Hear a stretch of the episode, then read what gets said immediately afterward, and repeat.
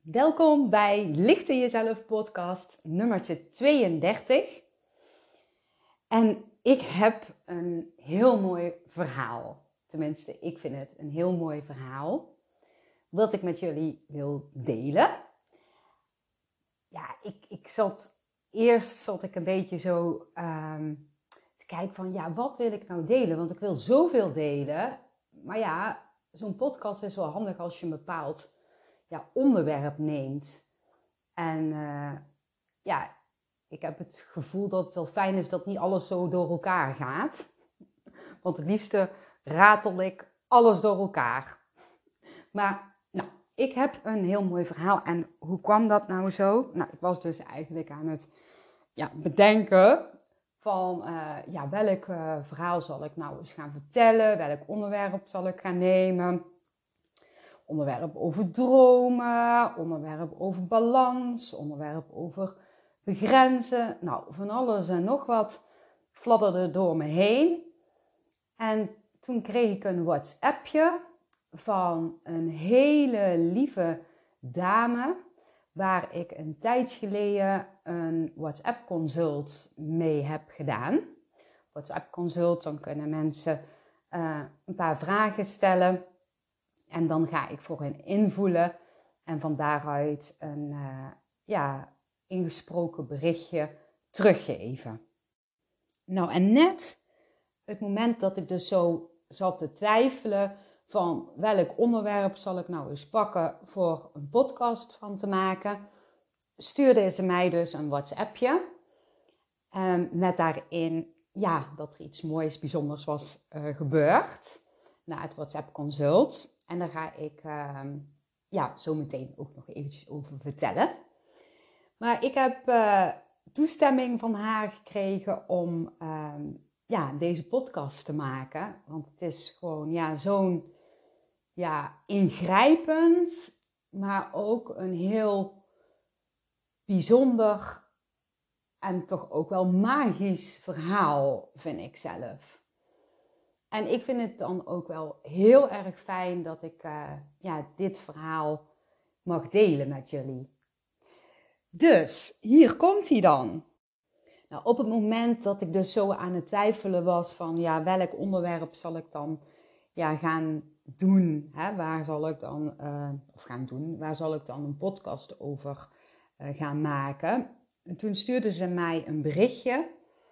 En ja, dat berichtje was weer zo mooi. Want er waren na het WhatsApp-consult um, van allerlei dingen gebeurd. Uh, die ze dan nog heel eventjes wilde delen. Ja, en het was gewoon zo bijzonder. En daar zal ik zo meteen ook nog wel uh, vertellen. Um, ik vroeg haar van, goh, hè? Of ja, zei eigenlijk van, goh, wat een mooi verhaal. Ik zou er wel een podcast over willen maken. En toen zei ze eigenlijk meteen van, ja, dat is het ja, dat ze dat oké zou vinden en dat ik gewoon alles mocht uh, delen. Dus daar ja, ben ik eigenlijk heel blij mee. Want het verhaal is, um, ja, vind ik wel um, heel bijzonder. Uh, ook wel heel ingrijpend. En um, ja, ook wel ergens magisch, vind ik.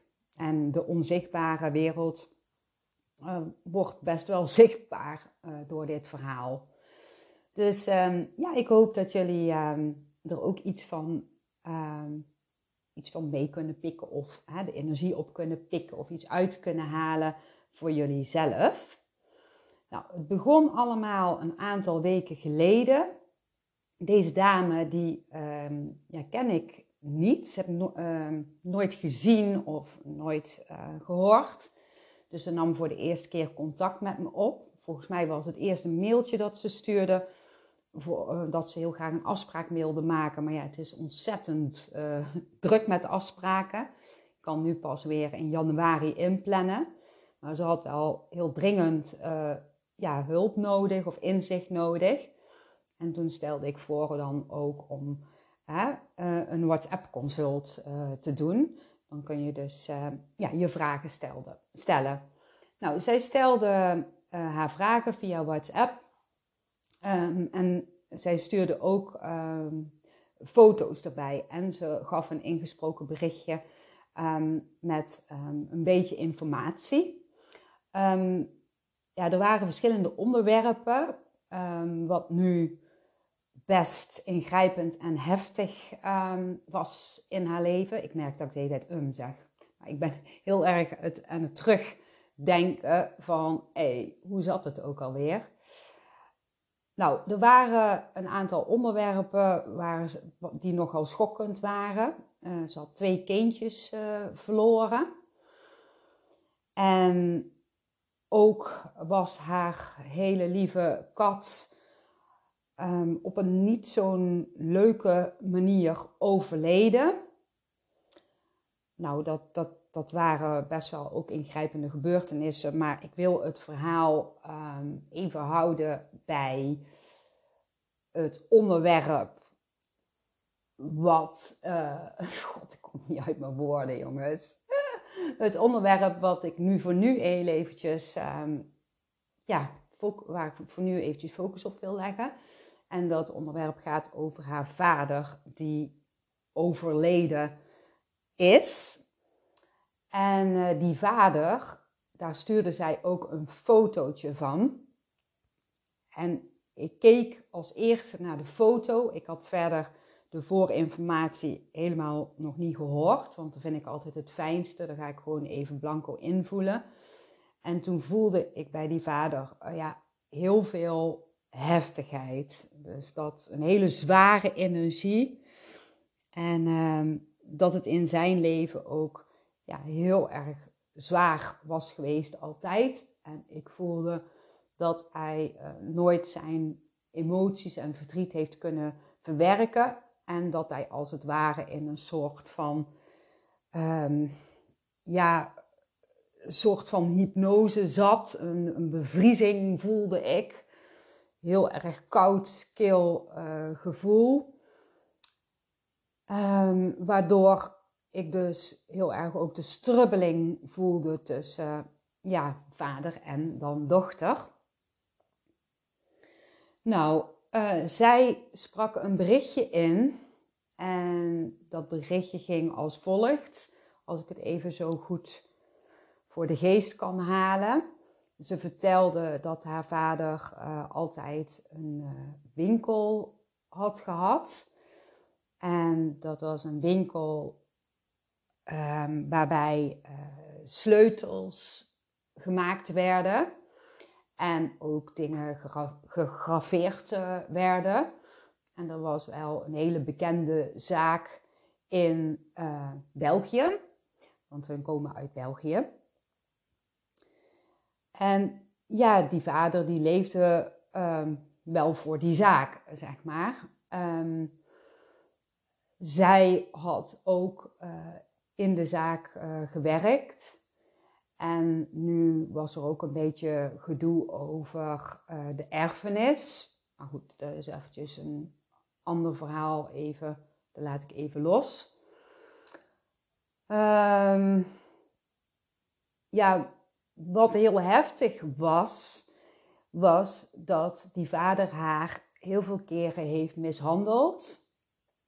En zelfs één keer zo erg uh, dat die vader haar wilde vermoorden. En haar zoveel stokslagen heeft gegeven, wat zo ingrijpend en heftig is geweest. En um, ja, de, de vraag was eigenlijk ook van, ja, waarom, hoe kan, hoe kan dit? Hoe kon dit zo allemaal gebeuren? En waarom is die vader zo, zo, zo boos altijd geweest naar haar toe? Nou ja, heel, heel veel vragen eigenlijk. Um, nou, en toen voelde ik in op haar vader. Dus um, hoe gaat dat? Dat zal ik even vertellen. Dus ik heb de foto van uh, haar vader. Ik heb een heel kort, zeg maar, stukje um, gehoord van um, ja, dat haar vader dus uh, haar heeft mishandeld. Uh, dat er gedoe is over de erfenis.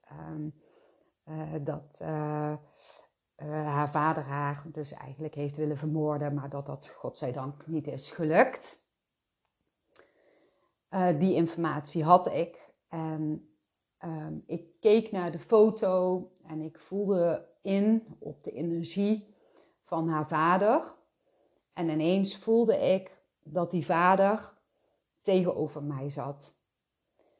En dan, dan zie ik daar eigenlijk in een beeldvorm. En ik voelde van hem twee hele verschillende dingen. Dus ik voelde hem in het aardse.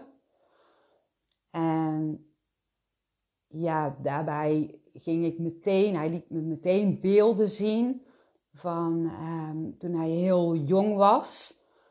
En dat, um, dat er nogal op een harde manier ook met hem om was gegaan. En ik voel heel veel verdriet en machteloosheid.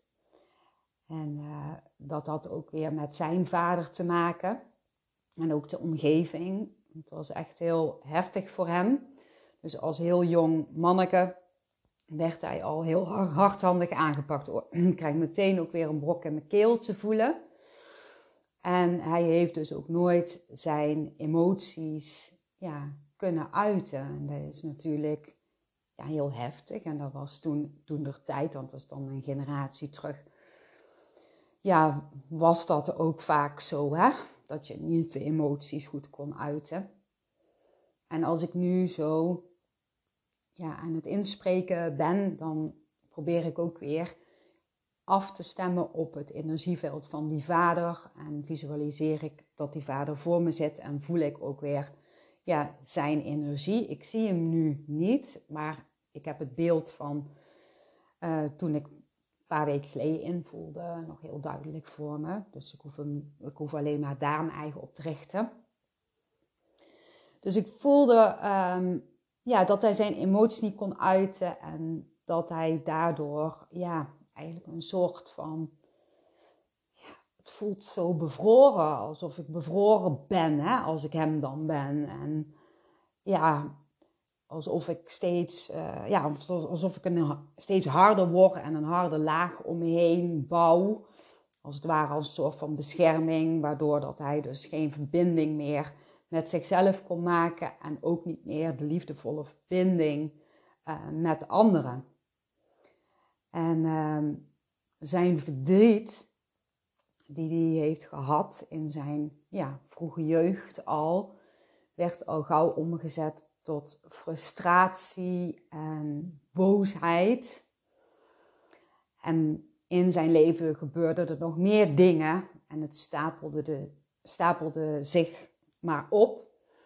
En hij had eigenlijk helemaal geen manier van goed te kunnen uiten in zijn leven kunnen vinden. Ja, het, het voelt echt zo alsof dat hij in een soort van ja, hypnosewereld zat, uh, vol frustratie, verdriet, uh, ja, en wat dus omgezet is in, in dus boosheid. Dus verdriet wat omgezet is in frustratie en dan krijg je boosheid, zo even op volgorde. En die boosheid die uitte hij uh, naar zijn dochter. Zijn dochter, dat is dus de dame die het WhatsApp-consult bij mij nam, is een hele liefdevolle, gevoelige persoonlijkheid met een superhoog bewustzijnsniveau. Um, ik voelde in op deze dame en ik voelde dat zij al heel veel levens heeft gehad. Uh, waardoor dat zij ontzettend veel innerlijke wijsheid bezit. En toen de tijd, toen dat allemaal zo gebeurde, die mishandelingen en zo, was zij zich niet bewust van haar uh, innerlijke wijsheid. Uh, zij liet het vaak gebeuren uit ook angst. En um, ik voel ook ergens wel ja, erbij willen horen. want je past je eigen aan als kind. Dus ja, dat, is gewoon heel heftig. En je weet eigenlijk niet beter. Zo voelt het nu, zoals ik nou invoel. En ja, het, het, het liep natuurlijk steeds erger op. En um, wat, wat ik eigenlijk wil vertellen is, uh, dat het verschil qua bewustzijnsniveau heel erg groot was. Dus die vader van haar, die heeft in zijn, uh, als ik zo kijk, zeg maar, naar, uh, ja, hoe moet ik dat nou zeggen? Naar zijn leven en het leven, de levens daarachter, heeft hij veel minder levens gehad, waardoor hij niet bewust naar bepaalde zaken kon kijken. En de dame, die, dus zijn dochter, die kon op dat moment ook niet bewust kijken, uh, maar wel onbewust dingen voelen en waarnemen. Nou, dat klinkt eventjes een beetje ingewikkeld, dus misschien is het handig om dat een beetje los te laten. Ik weet het niet, maar ja, ik vertel maar gewoon wat in me opkomt. Maar goed, ik had dus die vader voor mijn neus en die was dus aan het invoelen. En ik voel dus heel erg zijn aardse leven en ik zie dus beelden van zijn aardse leven. En ik voel dat die vader op het moment zeg maar, dat hij doodgaat, dat heel zijn leven aan hem voorbij flitst. En dat hij ook alle gevoelens kan voelen van bijvoorbeeld zijn dochter. Dus, daarmee bedoel ik te zeggen dat de mishandelingen en alles wat er gebeurd was, ook de poging op doodslag, um, voelde hij hoe zijn dochter um, ja, zich voelde. En dat was echt super heftig. En ik kreeg uh, die gevoelens, die gingen dus eigenlijk ook zo door mij heen. Dus je voelt dan van, goh, hè, hoe je dochter je, uh, hoe je dochter zich gevoeld heeft onder uh, al die uh, heftige gebeurtenissen en wat dat met haar heeft gedaan. Maar ook dat dat wel ergens met een zielsplanningstuk te maken heeft. Maar dat die dochter dat niet in de gaten had um, op dat moment. En dat ze zich daar later wel bewust van zou worden. Daarnaast krijg ik een, uh, een, een, stuk te zien, zeg maar. Dus ik zie eerst het aardse stuk van die man. En daarnaast zie ik het stuk op zielsniveau waarom dus bepaalde dingen zo zijn gebeurd. En dat had ook met vorige levens zelfs te maken. Maar dan ga ik, dan ga ik een beetje heel ver terug. Dat zal ik ook maar eventjes niet doen. Maar het stond allemaal met elkaar in verbinding. En op zielsniveau klopte alles voor mijn gevoel. Maar dat is dan weer heel lastig om te verwoorden.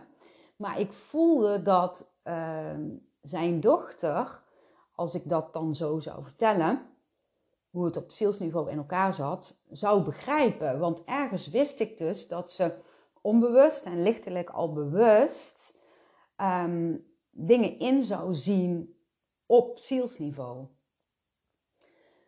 Dus ik sprak een uh, inspreekberichtje terug met wat ik allemaal had gevoeld.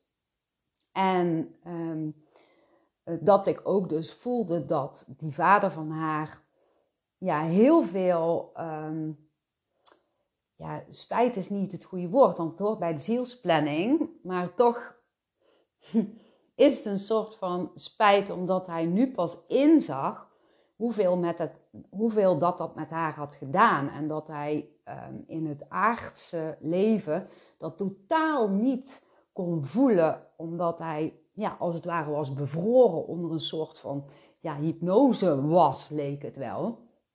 En nu hij was overleden, um, kon hij um, dus deze dingen pas voelen. Nou, ik voelde dat uh, deze man, dus de vader, uh, nog niet helemaal bij het licht was. En um, ja, hoe zal ik dat uitleggen? Nou, ik voelde een soort van tussengebied, um, aardgebonden zou je kunnen zeggen, een aardgebonden sfeer. En die aardgebonden sfeer was ook nodig voor hem om um, ja, zich een stuk te kunnen ontwikkelen en om van daaruit terug te gaan naar ja, zijn thuis in het hiernamaals. Maar hij wilde nog heel graag ehm, zijn dochter dingetjes vertellen. En ja, ik was uh, de tolk. Dus dat is wel heel erg mooi, ja. En toen heb ik dus ehm, ja, doorgegeven wat die vader nog wilde vertellen. En dat was dus dat hij ehm, wilde zeggen naar zijn dochter dat hij nu pas inzag wat het met haar had gedaan. En hij vertelde dus ook over zijn verleden, hoe dat dan was gegaan en ehm, hoe het dus kwam dat hij zo ja, hard is geweest en zo boos was in het leven. En uh, hij voelde dus ook dat hij um, ja, zich toen er niet bewust van was, omdat zijn ego nog heel erg aanwezig uh, ja, was. Dus hij had heel erg last van uh, de aardse beperking. En nu hij was overleden uit zijn lichaam en hij zat nog wel op de aardgebonden sfeer, dus dan kun je nog wel heel goed de uh, aardse energie bij een overleden persoon voelen. Maar de overleden persoon maakt wel een vele sterke verbinding met uh, de ziel, waardoor ik dus ook heel duidelijk um, zijn ziel uh, voelde en hij zelf dus ook. En dan was hij dus zo aan het uitleggen dat, um, uh, ja, dat hij hoopte eigenlijk dat zijn dochter hem ja, zou vergeven. En dan niet eens zozeer voor hemzelf, maar meer um, zodat um, zijn dochter zich hiervan kon bevrijden. Van al het verdriet wat zij mee had gemaakt door te vergeven. En ja, eigenlijk haar vader op zielsniveau te gaan zien. Nou, poeh, dat is nogal wat natuurlijk. En ik voelde ook dat die vader bewust was dat dat nog wel ja, een dingetje was voor die dochter.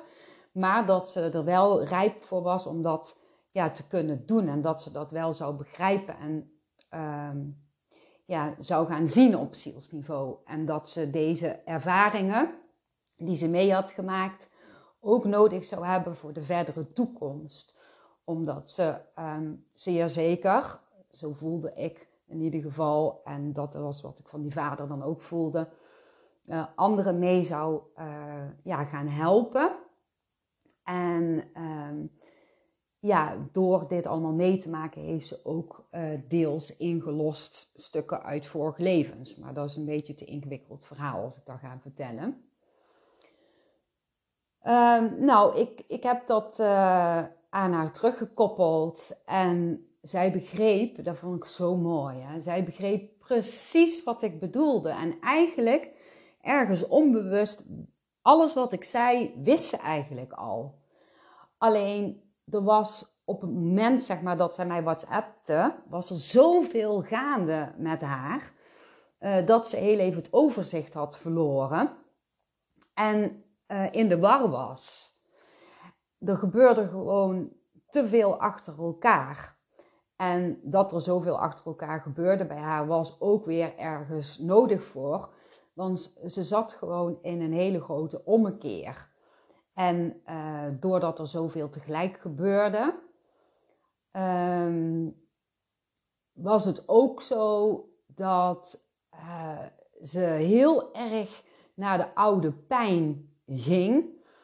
En dan zou je denken van ja, maar waarom moet iemand dan weer helemaal naar de oude pijn?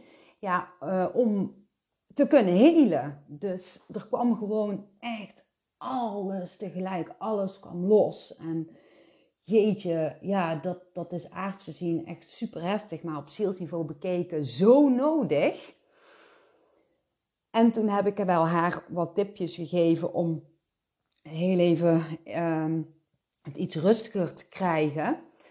Dus ze, ze mocht echt bij zichzelf blijven en um, ja, weer wel een beetje balans pakken. Maar ook inzien, zeg maar, dat, um, uh, dat de heftigheid die nu tegelijkertijd allemaal gebeurde, dat dat ook dus ja, nodig was om oude pijn te verwerken. Um, ja, ze was ook nog uh, bezig met het opruimen van uh, ja, het ouderlijk huis. Dus waar die vader ehm, ja, heeft gewoond. En daar vond zij ook, uh, ja, daar vond zij dan dingen die heel confronterend waren. Bijvoorbeeld de stok waar hij um, haar ja, bijna dood mee heeft geslagen dus.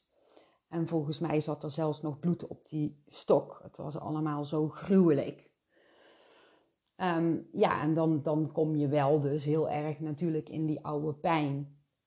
Maar door te weten van, ja, het is heftig, maar wel oké dat je die oude pijn doorstaat, kun je het helen.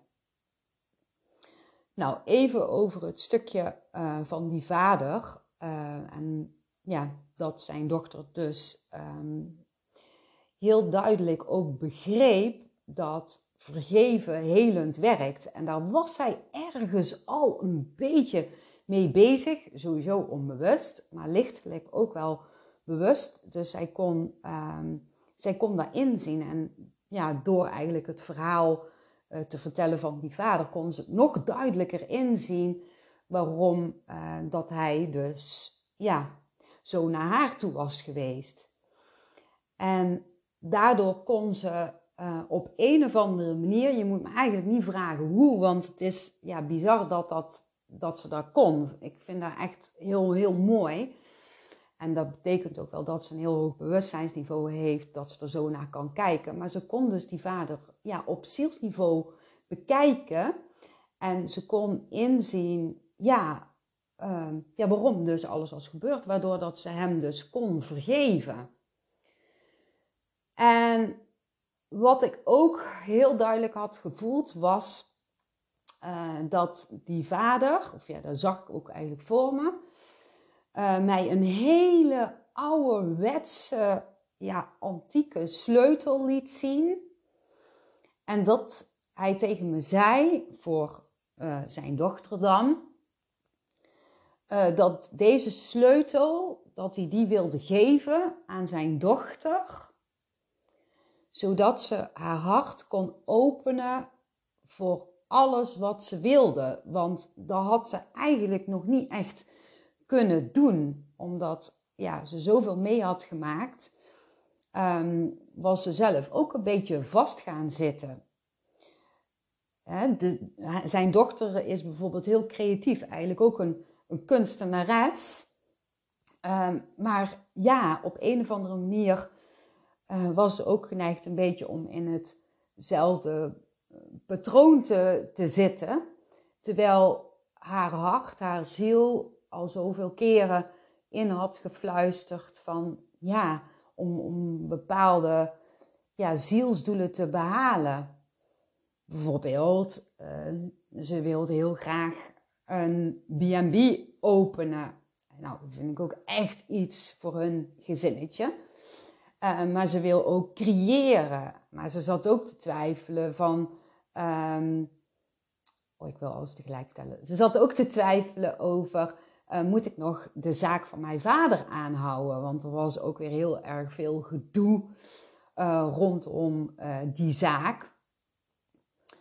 Um, maar ik voelde dus ook dat ze ja, wilde creëren en dat ze de kunstenares is en dat ze zeg maar door haar kunst, dat was eigenlijk, is eigenlijk hetzelfde verhaal als bij mij, um, door haar kunst het verhaal wil gaan vertellen. En ik zag ook een boek die ze wilde schrijven. Ik zag heel veel mooie zielsdoelen die ze allemaal ja, nog wil verwezenlijken. Maar nu was er eerst natuurlijk een moment van rust nodig voor haar.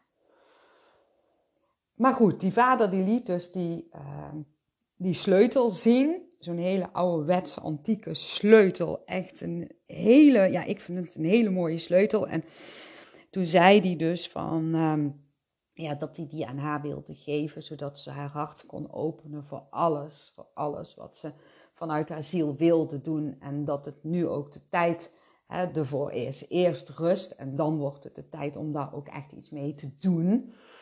En um, ja, wat nou heel bijzonder was, ik had dat dus allemaal zo doorgegeven.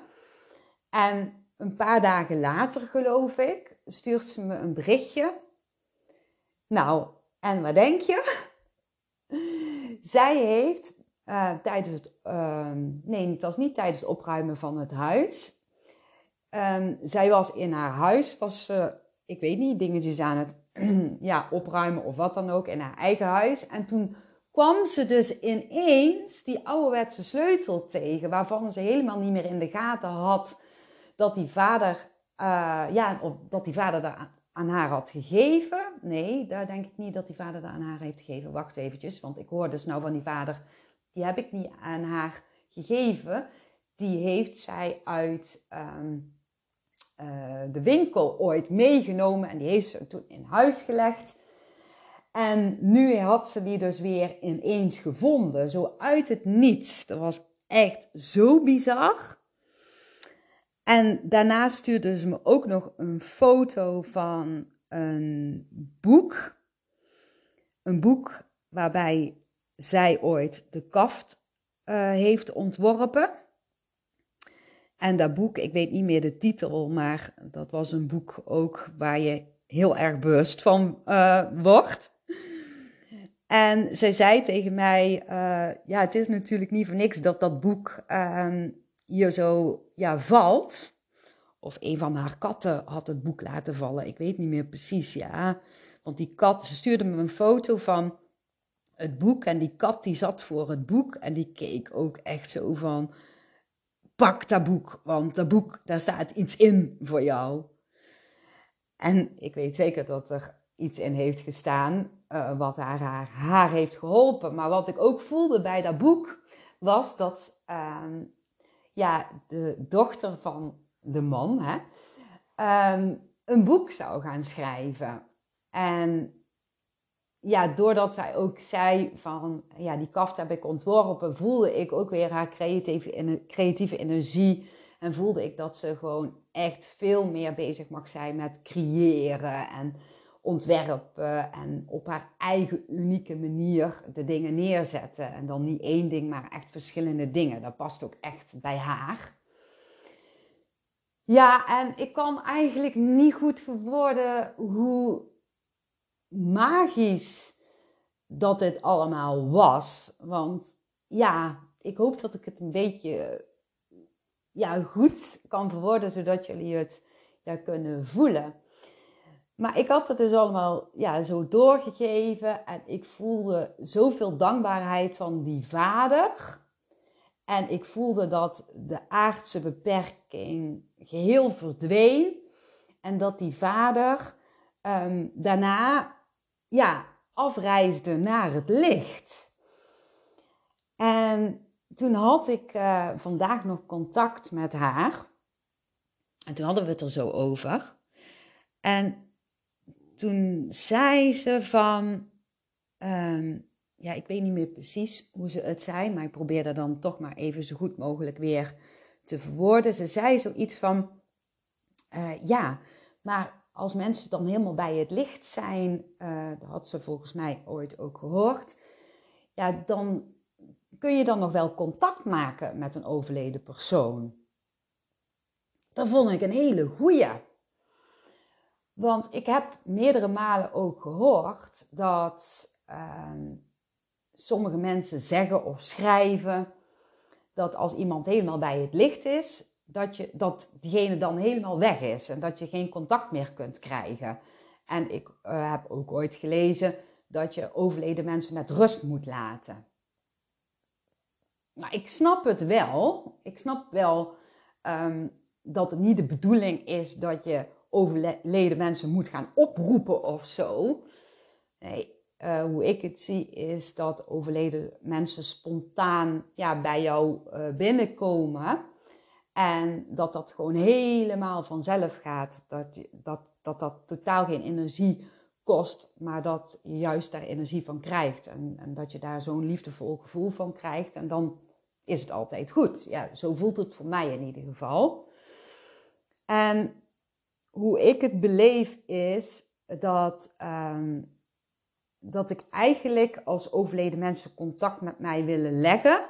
Dat ik ze altijd kan voelen waar ze ook zijn of hoe lang ze al dood zijn of heel kort dood zijn. Want ik hoor sommige mensen ook zeggen dat als iemand net is overleden, dat je dan geen contact kunt maken met de overleden persoon.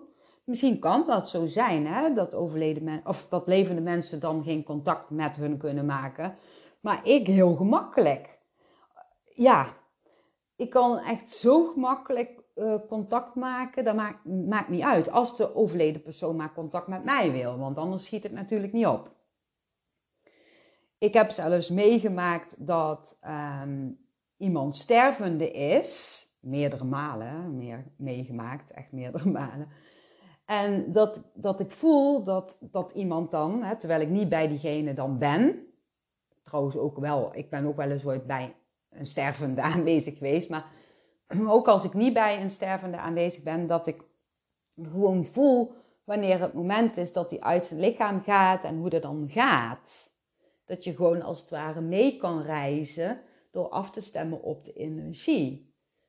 En ja, als, als iemand net is overleden, kun je dus ook gewoon contact maken. Tenminste, ik wel, maar ja, misschien sommige mensen ook weer niet, uh, bedenk ik me nu.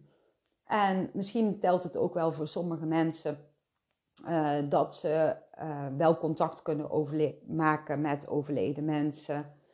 Uh, ja, als ze nog in een tussengebied zitten, maar niet als ze op hun thuisplek zitten. Maar voor mij is dat dus ja, niet zo voor mij. Ik kan ze dus altijd voelen. Maakt niet uit of dat het 100 jaar geleden is dat iemand is overleden, of één minuut, of één dag, of uh, waar ze zich ook bevinden. Dus daar ja, ben ik dan eigenlijk wel heel blij mee. Dus uh, ja, wat, wat, ze ook, wat ze ook nog zei was, en dat vond ik ook wel weer zo mooi. Zij, zij heeft echt goede vragen. Um, wat ze ook nog zei was. Um, even kijken, hoe zei ze nou? Ik probeerde, ik wilde dan precies weer verwoorden, maar dat lukt me niet. Hè? Dat moet ik ook helemaal niet doen. Uh, maar het ging op een gegeven moment over van uh, dat als mensen, overleden mensen, uh, nog niet uh, op hun thuisplek zijn, maar zich in de tussensferen uh, bevinden, dus nog aardgebonden uh, zijn, laten we het zo maar zeggen. Je hebt verschillende tussensferen. Daar zou ik eigenlijk een hele podcast over kunnen maken, maar ik probeer daar even kort uit te leggen. Um, ja, dat, dat, uh, ja, dan spreken mensen over uh, uh, ja, dat, dat iemand dan een hele zware negatieve energie heeft en dat dat dan gevaarlijk of beangstigend is. En dat iemand dan uh, ja, helemaal dwaalt door je huis en dat heel je huis vervuild is en zo. Hè? Um, nou, ja, ik zie dat anders.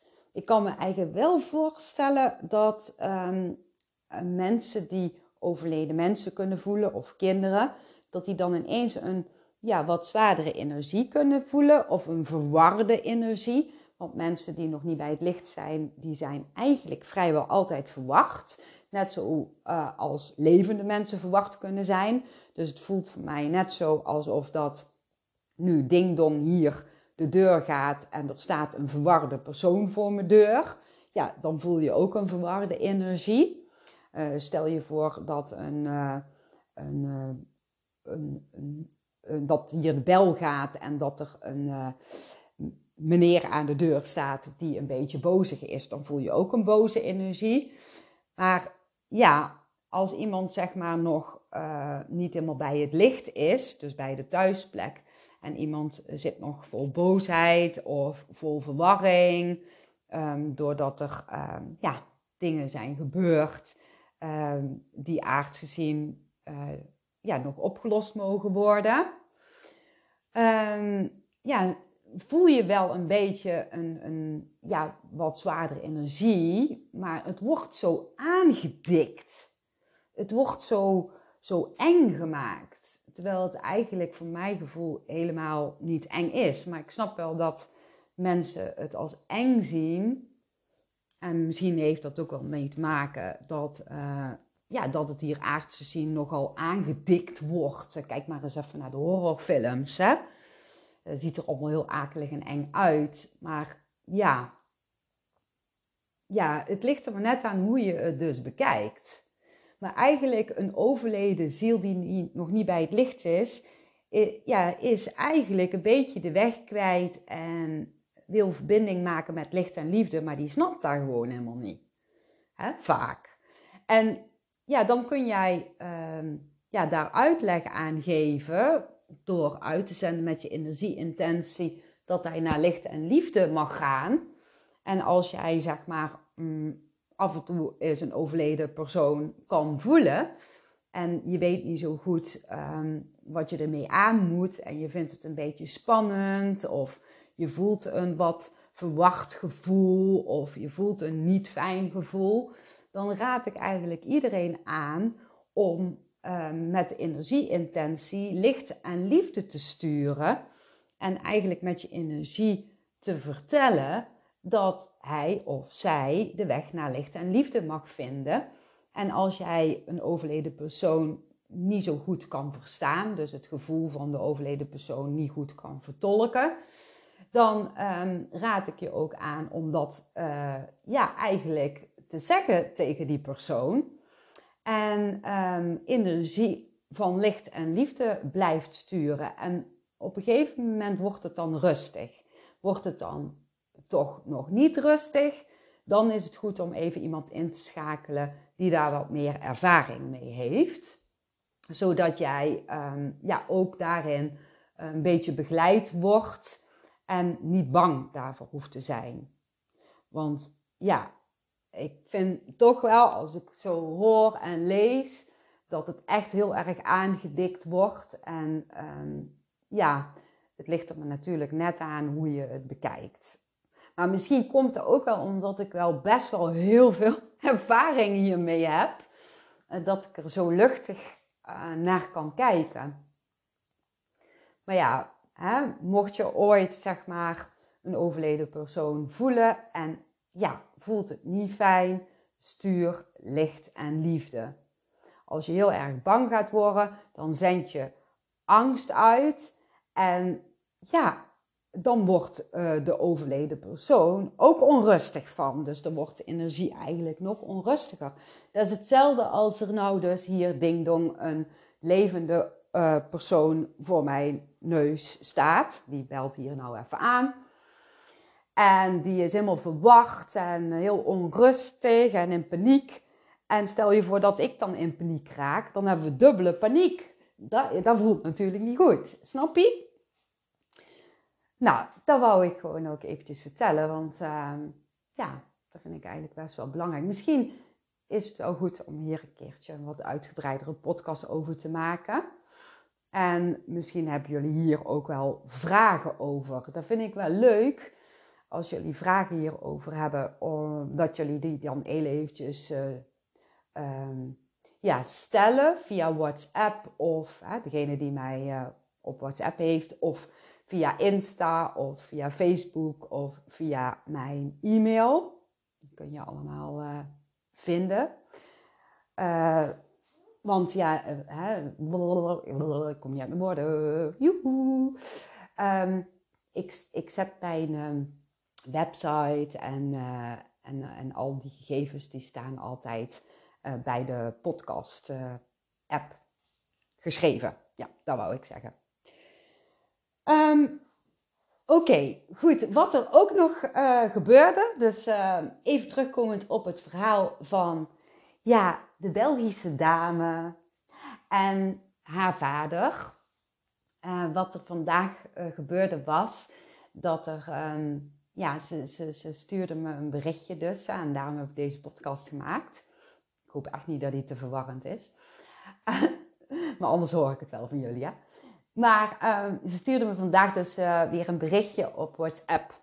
En uh, ze schreef zo van uh, ja, dat er van alles gebeurd was. En dat had ook weer te maken met die erfenis en die winkel. En poeh, dat was allemaal heel zwaar en heel heftig weer eventjes geweest. En toen kwam ze thuis. En, oh nee, ze kwam niet thuis. Ze, volgens mij was ze in het huis van die vader weer. Um, ik weet niet meer zeker. Oh, sorry. als je deze podcast luistert. Maar ze kwam dus uh, volgens mij in het huis van haar vader, ja. En uh, toen um, ja, ging ze kijken in, haar, in zijn post. Ja, dat was het. En tussen de post vond ze een paar pennen. En ja, die waren dus eigenlijk gestuurd volgens mij dan naar haar vader. Maar ja, die post maakte zij open. En weet je wat er op die pen, pennen stond? Um, daar stond volgens mij zijn naam op de pen. Um, maar wat er vooral ook stond was, en daar had ze een fotootje van gemaakt, was licht en liefde. Hoe gaaf is dat? En die pen kon ook uh, een licht schijnen. En dat licht was de kleur blauw. En blauw was lievelingskleur van haar vader. En dat was voor haar weer echt een teken dat, uh, ja, dat die vader nu vanuit het hiernamaals op zielsniveau haar helpt en begeleidt in de stukken um, ja, waar zij nu zo mee zit.